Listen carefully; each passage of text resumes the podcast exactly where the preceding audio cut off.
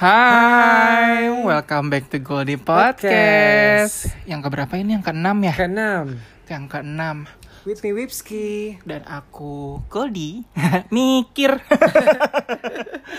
Jadi ini emang udah day keberapa entah keberapa tahu quarantine. Kita tetap masih kayak pengen ngisi waktu dengan bikin podcast podcast dan mungkin kita kayak pengen flashback flashback di mana zaman zaman waktu kita jadi kayak anak yang anak baru gitu di tempat kerja. Terus kayak pengalaman interview. Interview yang unik-unik ya. Interview yang unik-unik gitu. Karena emang agak-agak memorable ya tadi kita udah omongin ya. Kayak seru nih kalau diangkat ke podcast. Terus kayak diomongin biar banyak yang dengerin juga gitu. Kalau misalnya kamu ada nggak sih kayak memorable interview gitu Aku dulu nih Gak apa-apa Jadi kan eh, monkey first Monkey sih Oke waria next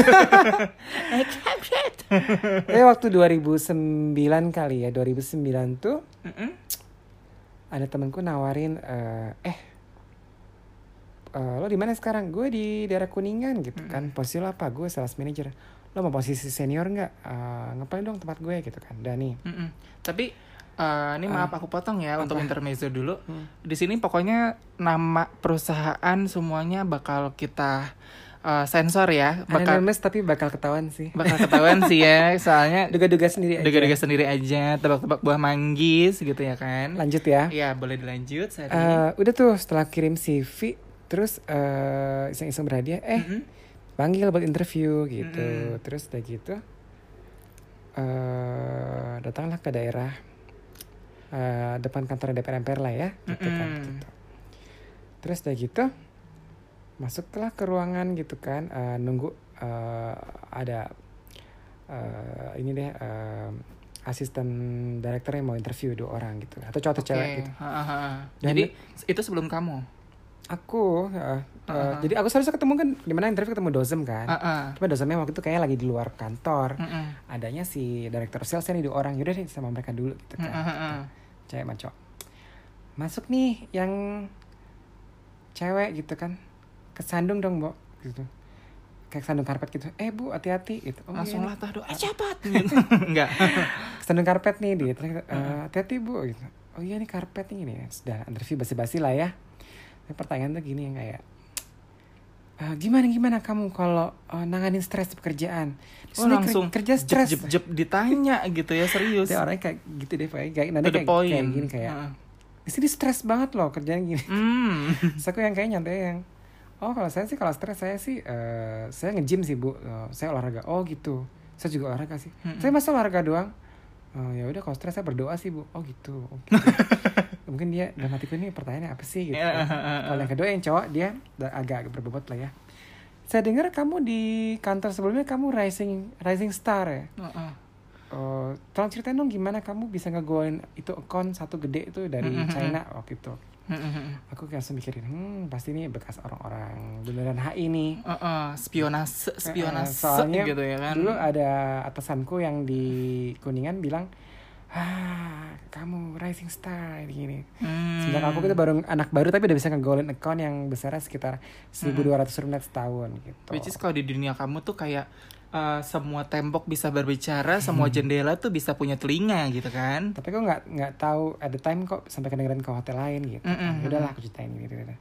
Ya dalam hatiku kayak mereka tuh kayak ngulur-ngulur waktu doang sih nunggu sampai si dozemnya nyampe kantor terus udah gitu Mm-mm. ngobrol-ngobrol bentar. Eh udah dulu ya eh, itu eh, Pak dozemnya udah nyampe hotel nanti kamu mandi aja. Oh ya udah makasih Pak makasih Bu gitu kan basa-basi gitu. Mm-mm.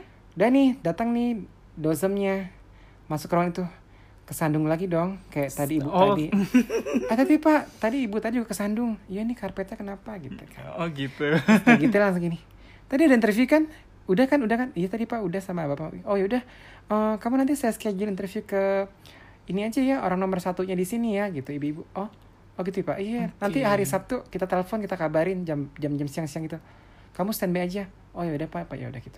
itu kamu kayak menduga-duga gak sih kayak oh orang nomor satunya kayak gimana nih gitu Hmm. kayak ada bayangan gak Nggak sih? ada bayangan sih, cuma waktu Mm-mm. itu dengar-dengarnya memang bos nomor satunya ibu-ibu gitu kan, Mm-mm. Chinese. Terus dia gitu kan aku kan agak sebenarnya agak malas ya ada sabtu satu interview lah gitu kan biasa aku satu minggu libur kan dan aku bisa sabtu tuh ada body combat apa ada kelas body pump Tetep gitu. ya nge-gym ya Vicky Mm-mm, Burki nge-gym. ini. Dah tuh hari Sabtu tuh sembari ngangkat barbel dong, Uh-uh. ikut kelas bodyguard, aku mantengin handphone gitu. Bener kan pas ngangkat berat-berat ya bunyi kan. Aku angkat tuh sekretaris dosem.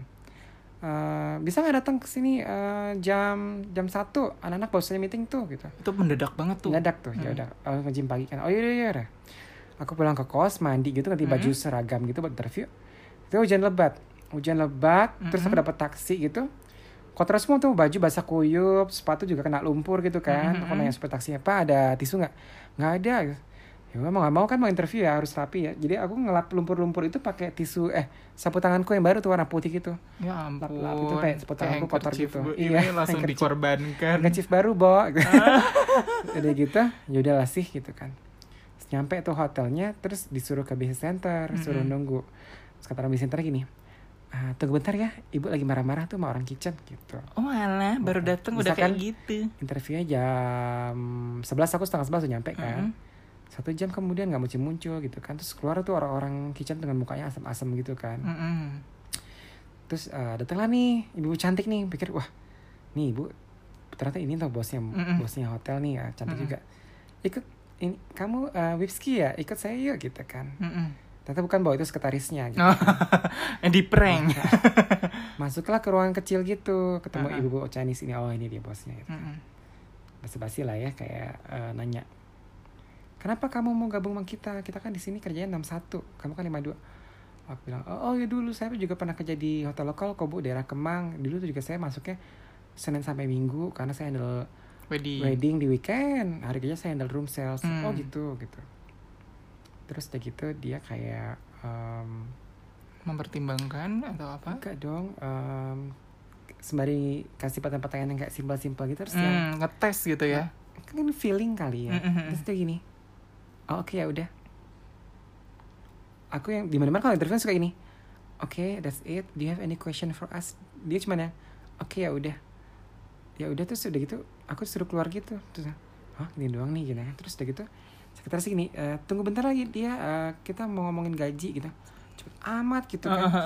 ini terima nih gitu kan gitu terus udah gitu eh aku diwanti-wanti sama yang mau eh, temanku yang eh, pokoknya kalau ntar ngomongin gaji lu minta yang gede aja sekalian gitu Hah, segede berapa ah pokoknya segede-gedenya gitu kan misalkan Mm-mm. tiga kali lipat misalkan gitu gitu Mm-mm. terus dia tuh aku mintalah black and white tiga kali lipat terus kata sekretarisnya ah gede banget lu mintanya gitu ini kegedean "Eh, ya bu saya kan punya database-nya hotel saya dan hotel kompetitor gitu Mm-mm. tolong dipertimbangkan gitu kan yaudah nanti gue tanya gue tanya ibu ya gitu terus udah gitu nunggu tuh cuma nunggu bentar gitu eh udah udah di approve pas aku lihat Oh, angkanya untungnya improve. Improve. Approve gitu ya. Lihat angkanya lebih gede daripada yang aku minta dong. Oh, wow. Aku langsung disuruh Durian tanda, runtuh. disuruh tanda tangan. Bis tanda tangan gitu, Mm-mm. pulang naik taksi, aku nangis lu di taksi. Nangisnya Jadi tuh kayak, kayak- terharu gitu. Enggak, aku tuh kayak abis mutusin pacar yang baik hati tapi miskin. Mm-mm. Dapat just dilamar orang kayak baru gitu, suruh merit my gitu sama orang aku yang kayak mengkhianati gitu hotelku yang sebelumnya gitu. Ya udah tuh. Terus lucunya nih sampai kantor kan, Mm-mm.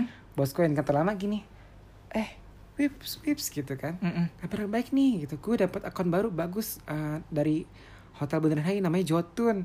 Tamunya banyak. Dia ini lo aja yang handle gitu gitu kan. Terus kita padahal aku udah ini kan tanda tangan kontak hotel baru kan. Terus Mm-mm. udah kita hah? Eh, oh iya pak. Makasih makasih. Cuman aku kan orang kadang fair ya. Jadi file-file yang dikasih aku mengenai company baru ini Kamu aku balikin Ah, ah. ke meja dia. Terus aku kasih surat resign gitu karena emang udah merasa kayak mengkhianati. kurang appropriate lah ya gitu kan sudah gitu terus mereka tahu mau pindah ke mana ke hotel di dekat eh, Sana lah daerah pokoknya. sana gitu dia langsung tahu dong gajinya nggak bisa ngimbangin kan tatel juga tinggi ya udah deh eh, kamu cuma beberapa jam doang langsung disuruh turun bawah ke HRD nggak boleh bawa tas segala macam teman-temanku yang bantuin pindahan gitu suruh ini eh, buat ketemu security buat kayak buat Final check. iya final check gitu eh, gitu Hmm. Nah lucunya pas di kantor baru aku suruh pegang apa dong? Jotun akun, akun yang tadi mau dikasih sama aku di kantor Jadi Oh, ada emang jodoh kali ya Uh, uh, uh, uh. Jadi kayak di tempat lama mau dikasih, di tempat baru emang disuruh handle gitu ya kan. Jadi kayak wow what ya udah what a coincidence. agak unik sih memang itu gitu Mm, mm, mm. kalau kamu ada pengalaman ini nggak interview yang unik kayak Kalau interview aku yang paling unik nih ya, yang paling unik sekali. Jadi ini waktu itu aku tuh kayak abis resign gitu Hmm. kan, abis resign terus aku pengen kayak pengen kerja tapi di dunia retail lagi, tapi nggak pengen retail baju gitu Hmm. atau retail tas. Aku pengen coba ke luxury brand ah gitu. Hmm. Tapi luxury brand apa ya gitu kayak masih bingung. Terus eh, waktu itu tuh kayak lagi bingung-bingung gitu aku kayak whatsappan sama temanku salah satu desainer. Terus dia bilang gini dek telepon aku dek gitu. Mm-mm. Eh, aku telepon terus bilang gini kak kenapa? gitu. Kamu bukannya like masih cari kerjaan ya? Iya kak. Eh itu dek teman aku ada yang baru buka toko diamond gitu. Mm-mm. baru buka toko diamond di daerah Bundaran HI gitu ya kan. Kamu datang dedek gitu. Nih aku kasih kontaknya nih si Mbak C gitu ya kan. Kamu kirim CV ke Mbak C ya gitu. Nanti pokoknya nanti tektokannya sama dia. Mm-mm. Terus aku pikir, oh lumayan nih gitu. Oh ya udah makasih ya kak ya gitu. Langsung aku eh, kirim CV terus kayak lo kok nggak ada apa-apa gitu kayak nggak ada Nggak ada ada feedback Nah. nggak ada apa terus aku kepo kan punya nggak sih kontaknya Mbak C ini Hmm. gitu? Terus aku tuh pengen kayak nanya gitu. Mbak C udah menerimakah CV-ku gitu? Mm-mm. terus si Mbak C bilang gini "Eh, oh iya udah terima kok tapi lagi di review gitu lagi soalnya eh, kita lagi banyak event karena memang store-nya juga baru buka gitu. Store-nya baru buka terus seminggu kemudian itu aku ingat hari kemerdekaan 17 Agustus 17 Agustus aku sampai kayak gini dong Mbak C you know who you are ya pokoknya dia itu sampai aku giniin Hai Mbak, apa kabar? Happy Independence Oh, Day ya. Peres-peres lah ya Peres-peres gitu ya kan. Harus follow up say Eh, eh, harus follow up gitu ya kan. Terus kata si mbaknya gini, "Eh, oh iya Happy Independence Day. Terus mbaknya mungkin langsung tektok daripada nih anak nanya, mending gue langsung jawab deh. Ya, "Eh, nanti dikabarin ya kamu soal ini interviewnya ya gitu. Oh iya mbak gitu. Tapi kan dia udah ngomongin interview di situ berarti aku bakal dipanggil dong gitu. Waktu itu jadi kayak selang berapa hari dari yang si Independence Day itu Mm-mm. kita lagi makan pizza tuh waktu itu di daerah Setiabudi lagi makan pizza lagunya juga kenceng banget siang-siang padahal siang lagunya kenceng banget terus ya handphone kan nggak nggak kedengeran dong kalau misalnya lagi suara juga kenceng musik terus si mbak ini tuh telepon ternyata udah tiga kali nah telepon di telepon yang ketiga baru aku angkat aku angkat langsung ke luar ini restoran waktu itu Mm-mm. Mbak Cil langsung kayak ngedumel gitu. Kamu kok susah banget sih ditelepon gitu. Eh, emang eh, apa waktu kemarin minta follow apa follow up aku terus tapi kok ditelepon susah. Iya Mbak, soalnya aku lagi ini susah sinyal di sini. Aku kayak alasan gitu, padahal enggak, akunya nggak denger gitu. Langsung, gimana mbak gimana mbak Ya, gimana mbak? Gimana mbak? Ada yang bisa dibantu mbak? Gitu. Eh, kamu bisa nggak eh, buat datang interview gitu? Datang kapan mbak? Bisa kok gitu. Kalau misalnya besok bisa nggak ya? Soalnya si ibu CEO-nya bisa available-nya besok Hmm. gitu. Available-nya besok, aku langsung tanya, boleh mbak jam berapa? Jam 11 pagi. Oh oke, kan maksudnya kan kalau interview kan orang-orang biasanya kayak jam 9, jam 10 gitu ya kan. Tapi aku langsung interview di store jam 11 pagi. Gitu. Terus aku jabanin tuh. Dan aku emang orangnya pas keesokan harinya tuh agak-agak over prepare gitu. Jadi jam 10 mall buka, aku langsung udah di situ. Langsung udah kayak bersiap buat udah datang lah pokoknya biar aku nggak telat ngasih first impression juga harus yang bagus dong. Nah, belum jam 11 kayak setengah sebelasan gitu si Mbak C ini tuh telepon aku. Eh Goldi, kamu udah di mana? "Eh, kamu udah datang belum soalnya si ibu si OO nya tuh lagi available nih Mm-mm. gitu soalnya nanti setelah lunch time kita mau ada ini mau ada event di store. Mbak eh, by the way aku udah di sini dari jam 10 sih mbak. Oh serius kamu? Kamu ini juga ya prepare juga ya? Iya mbak.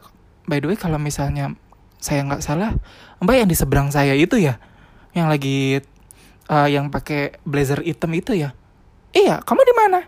Nih mbak saya lagi dada-dada nih mbak gitu. Ya udah sini sini masuk masuk gitu akhirnya aku disuruh masuk tuh ke toko. Pas masuk ke toko itu tuh yang lagi pada eh inventory ada yang lagi pada majang barang gitu. Kebetulan tokonya ini diamond store ya. Maksudnya emang diamond store itu kan diberi kelonggaran oleh mall untuk buka lebih siang dari toko-toko yang biasa. Karena kalau toko yang biasa orang-orang tuh harus prepare dari sebelum jam 10 toko buka. Tapi kalau diamond store terserah. Pokoknya batas waktunya jam 11 tank udah harus uh, beroperasi. Yes.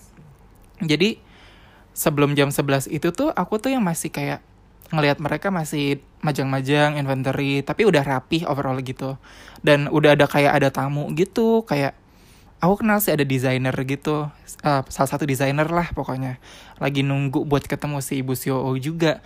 Cuman si ibu CEO ini tuh belum dandan. Mm-mm. Jadi dia nggak mau ketemu sama si desainer ini. Yang dia mau ketemuin aku duluan. Iya. Karena dia pikir ya siapalah ini remahan rengginang lah ya maksudnya. Bodoh amat gitu. Gua belum dandan gue pengen ketemu gitu. Terus? Terus si Mbak C ini masuk terus aku kayak ngeliat kok waduh sales-sales yang lain sini-sini amat kayaknya. Mungkin karena aku anak uh, apa orang lain gitu ya kan. Atau karena warna bajunya? aku pakai baju warna gold waktu itu. Mungkin kata mereka gini, ini orang apa sih menyanyi dangdut. Mau interview apa dangdut akademi lo gitu. Terus eh, ada satu sales cowok dia tuh agak bukan eh, bukan sinis ya tapi emang orangnya cool gitu. Jadi kayak hmm, tampangnya dingin gitu. Terus ada satu lagi sales cewek yang dia tuh lebih tinggi dari si security gitu ya kan. Terus aku bilang gini buset eh, ini mbak mbak gede banget gitu kan. Udah gitu kayak mukanya asem gitu sambil lagi baca baca gitu. Terus keluar eh, ada perempuan cantik namanya mbak R. Mbak R ini ternyata PA-nya si ibu si eh, si OO Iya. Nah, si Mbak R ini langsung kayak, "Hai, mau interview ya kamu ya? Bentar ya, sebentar." Gitu. Ibu lagi prepare. Terus si Mbak C-nya masuk gantian sama Mbak R. Eh, mungkin kayak eh, dia tuh kayak ini ya. Bilang ke Ibu CEO, "Ini si yang mau interview udah datang." gitu. Jadi aku langsung dipanggil. Mbak C-nya langsung diambang pintu antara pintu kantor sama pintu toko langsung gini Ricky silakan. Dan di situ aku yang udah sebelumnya udah dengar teriakan gitu mana yang mau interview masuk? Gitu. Langsung kayak anjir kesambar geledek gue sebelum masuk. Gitu. Tapi memang di luar ekspektasi gitu aku kirain bakalan kayak semengerikan apa gitu. Ternyata pas masuk oh iya bener. Mengerikannya tuh bukan karena gimana gimana ya. Dia belum dandan pertama.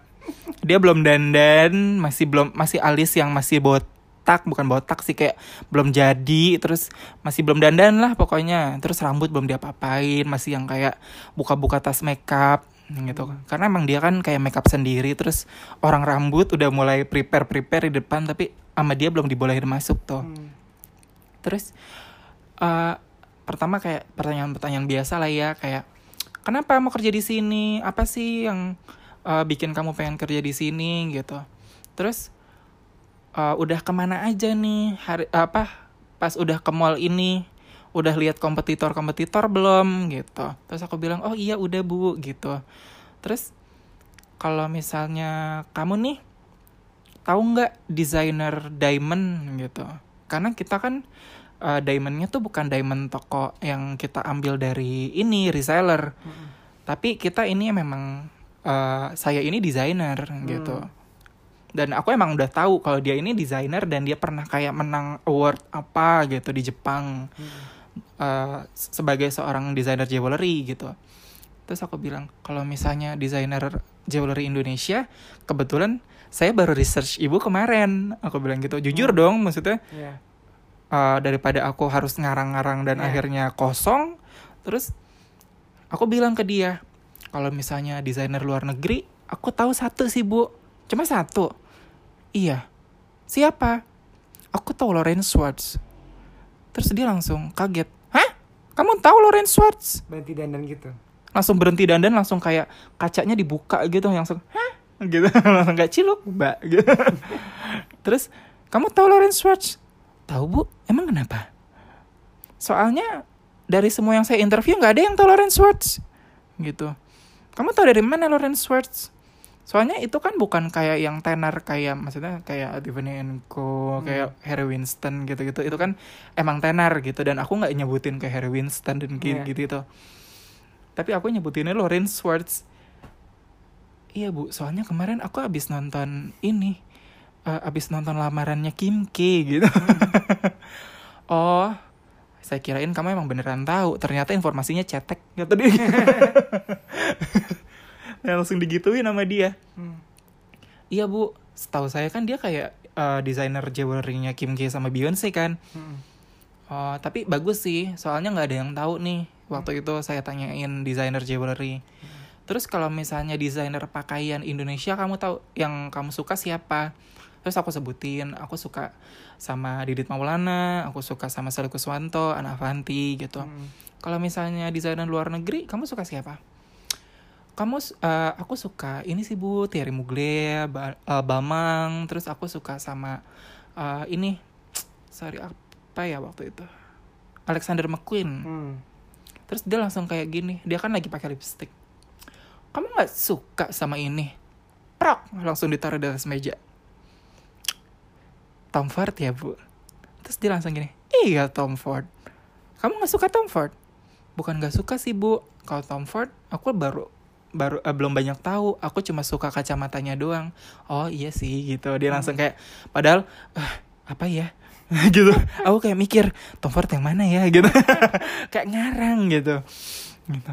Eh, Sebenarnya tahu Tom Fordnya tapi nggak nggak terlalu tahu eh, desainnya saat itu gitu. Jadi kayak harus improvisasi dong kalau misalnya ditanyanya emang agak ajaib kayak gitu. Terus kayak aku dikasih pertanyaan mungkin bisa dibilang kayak tes kali ya. Kan sekarang kamu udah jalan-jalan nih tadi sebelum ke toko ini. Di mall ini tuh kalau misalnya saya kasih kamu hari ini juga 100 juta buat dihabisin, kamu mau belanja apa? Hmm. Terus aku bilang, saya pengen banget sih bu beli Christian Louboutin shoes gitu. Soalnya saya pengen banget punya gitu. Dan ya alhamdulillah udah punya ya sekarang. Dan eh, apa? Aku bilangnya di situ cuman Christian Louboutin shoes atau love bangle-nya Cartier. Hmm. Terus dia bilang, kan kalau love bangle-nya Cartier nggak cukup 100 juta. Hmm, itu dia sih bu, makanya saya lebih ke Christian Louboutin shoes aja deh bu, gitu sama kayak mungkin nanti saya beli uh, pakaian-pakaian yang lain deh gitu. Terus kalau misalnya baju gitu kan, kamu tuh pengennya apa gitu? Kan di sini banyak tuh brand-brandnya. Gitu. Aku bilang, "Eh, aku apa sih ya bu kalau misalnya baju? Soalnya aku nggak neko-neko gitu, nggak terlalu yang wearing brand gitu Hmm. aku pengennya yang kayak udah terlihat bagus aja mungkin aku pengen kayak punya eh, apa jaketnya ini apa bukan jaket trench coatnya Burberry gitu Hmm. oh tempat kamu dulu kerja dong gitu aku bilang kata dia iya bu gitu jadi kayak ah perta- eh, jawaban kamu bias gitu jadi kayak dia tuh agak Hmm. eh, langsung ke pertanyaan lain. Kalau kamu film kesukaan, film kesukaan kamu apa sih? Saya pengen nanya. Kamu gak bilang kuntilanak ya? Eh, eh, eh. Untung aku tuh nggak bilang kuntilanak atau aku nggak bilang kill bill gitu. Ah, kan takutnya dibilangnya ah, anjir nih anak psikopat gitu. Terus aku jawabnya waktu itu aku sukanya uh, ini bu Sex and the City terus kalau Sex and the City ngikutin nggak seriesnya? Langsung kayak gosip gitu bukan kayak interview. Hmm. ngikutin nggak seriesnya? Itu tuh dia udah manggil tukang rambut. Nih rambutnya sambil diuak-uak sama tukang rambut sambil disasak-sasak gitu kan. Eh, kamu ngikutin Sex and the City? Ngikutin sih bu seriesnya. Kebetulan eh, apa lagi masih di aku ingat seingat aku season keberapa gitu waktu itu. Terus kata dia iya nonton deh semuanya. Saya punya tuh kasetnya semua gitu terus eh, ada nggak film lain yang kamu suka? Saya suka Devil Wears Prada bu. Oh selamat ya. Akhirnya ketemu sama Miranda Priestley dalam hati gue. Miranda Peter Sally kali ah. Dia tuh ak- seakan-akan bangga gitu dengan dirinya Miranda Priestley gitu.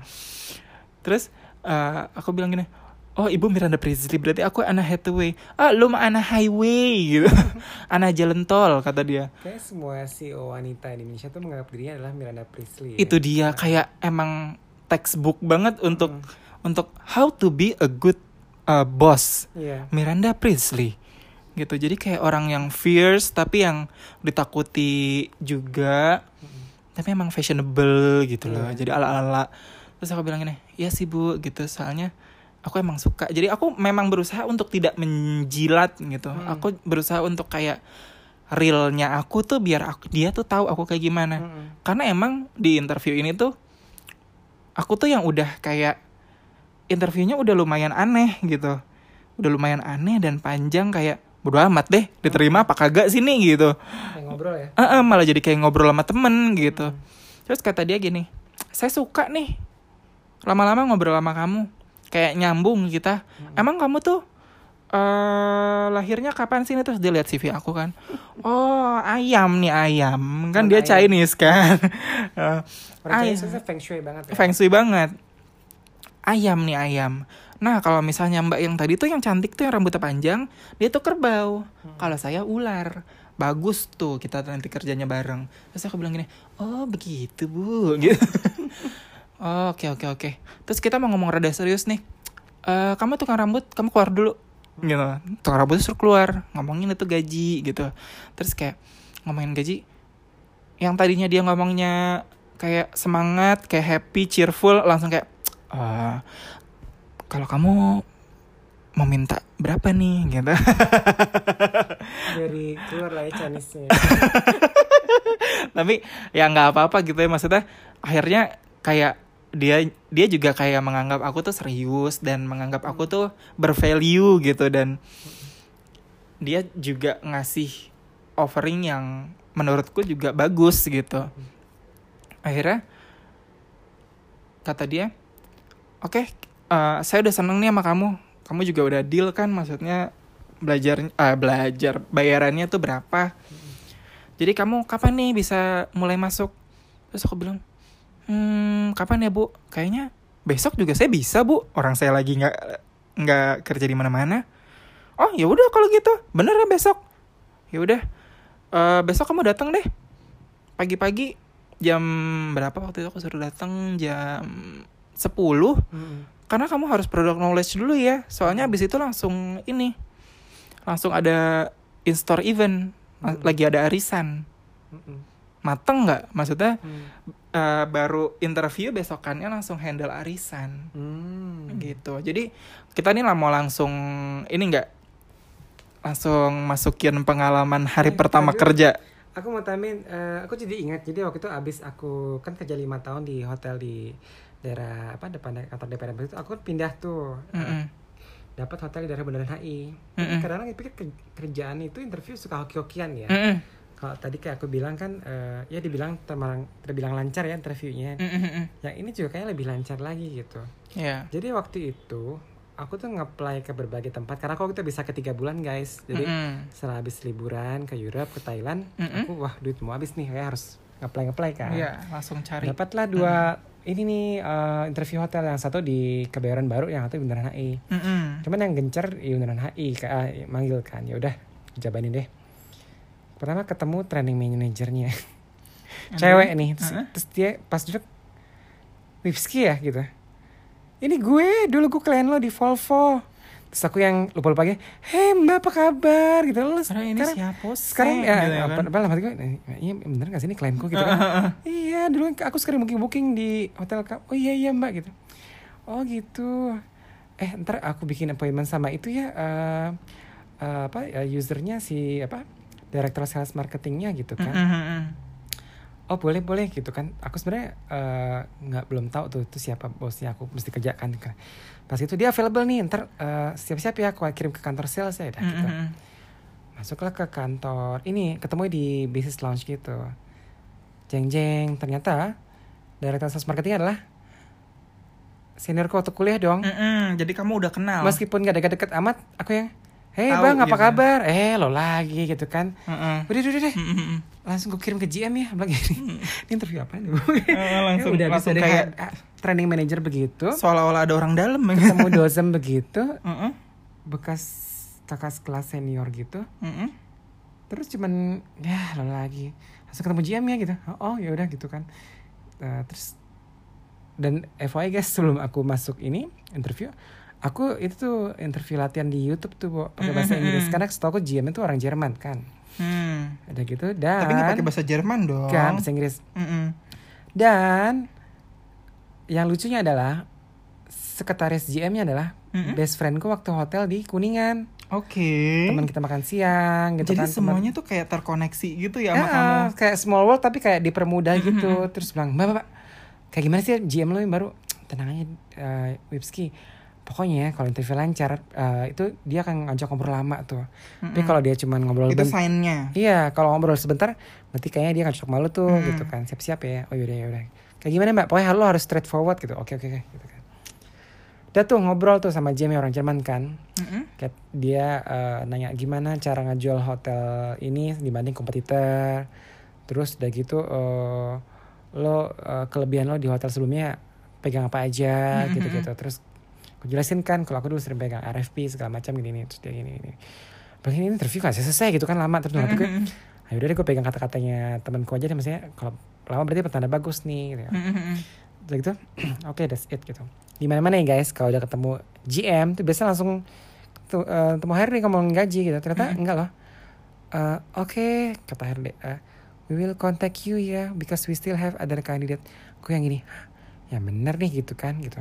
Soalnya berarti udah- masih ada kandidat lain nih gitu. Hmm. berat juga nih Terus udah gitu. Setelah berapa minggu gak ada kabar gitu tanya-tanya dong ke temanku gitu kan yang series GM-nya hotel itu. Mbak emang bener ada kandidat lain ya? Ada sih berapa orang lagi? Ya elah gila gitu. tapi kalau jadi interviewnya Ah, panjang-panjang, capek-capek. eh, tapi ntar kita panggil lagi ya gitu. Terus dan nih jarak dua mingguan gitu ditelepon lagi dia bisa ke Bundaran HI lagi nggak? Gitu. Oh iya mbak gitu kan pikir eh human resource directornya baru pulang nih gitu. Terus ya udah ketemu kan. Ketemulah dia udah gitu. Mm. ibu-ibu gitu kan. Halo Mm. halo apa kabar? Tell me about yourself aku, Mm. aku bilang ya I'm a very positive person kata dia. How is that? gitu ya dulu saya suka baca buku The Secret bu. Hah The Secret? Kamu baca juga? Saya juga suka gitu kan. Kita kata-katawa gitu. Hmm. Ternyata dia penggemar buku The Secret juga. Terus udah gitu, ah yaudah deh, eh, aku ketemuin kamu sama senior kamu ya, nanti dia handle kamu. Aduh siapa lagi nih pikir gitu kan, biasa kan udah ketemu dozem cukup kan? Itu interview atau Ah, em, di apa? maraton, ketemulah gitu. director of sales kan, cewek gitu kan. Halo gitu, pasti udah cewek banget interview terus iya mbak, aku bilang gitu. Mbaknya ini baik ya. Baik, mm, udah gitu. Ya aku kenal mbaknya. Are you Kenal. single? Yes, and I'm ready to mingle. Dia yang haha ketawa. Oke, that's it. Ya, gitu doang. Heeh. Udah gitu langsung ngomongin KRD lagi, kamu gaji segala macam terus akhirnya terimalah di situ. Mm-mm. Itu maksudnya kayak dipermudah banget gak sih? Orang- Iya dipermudah maksudnya kayak emang semua orang yang kamu ketemuin juga udah kayak connect sama kamu, udah kayak uh, ada ada suatu kesamaan, terus kayak bukan orang jauh gitu.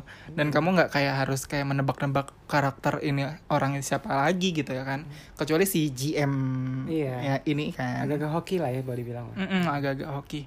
Tapi memang pengalaman-pengalaman interview ini tuh emang nggak habis-habis kalau kita omongin ya. Maksudnya emang seru banget buat kita apa bahas terus karena memang di setiap interview pasti ada kayak majorette-nya gitu ya kan. Ada kayak uniknya ada kayak happynya dan kayak ada Basically kalau udah jodoh jodoh lah ya. Pasti Jodoh, jodoh, dipermudah gitu. gitu. Ha.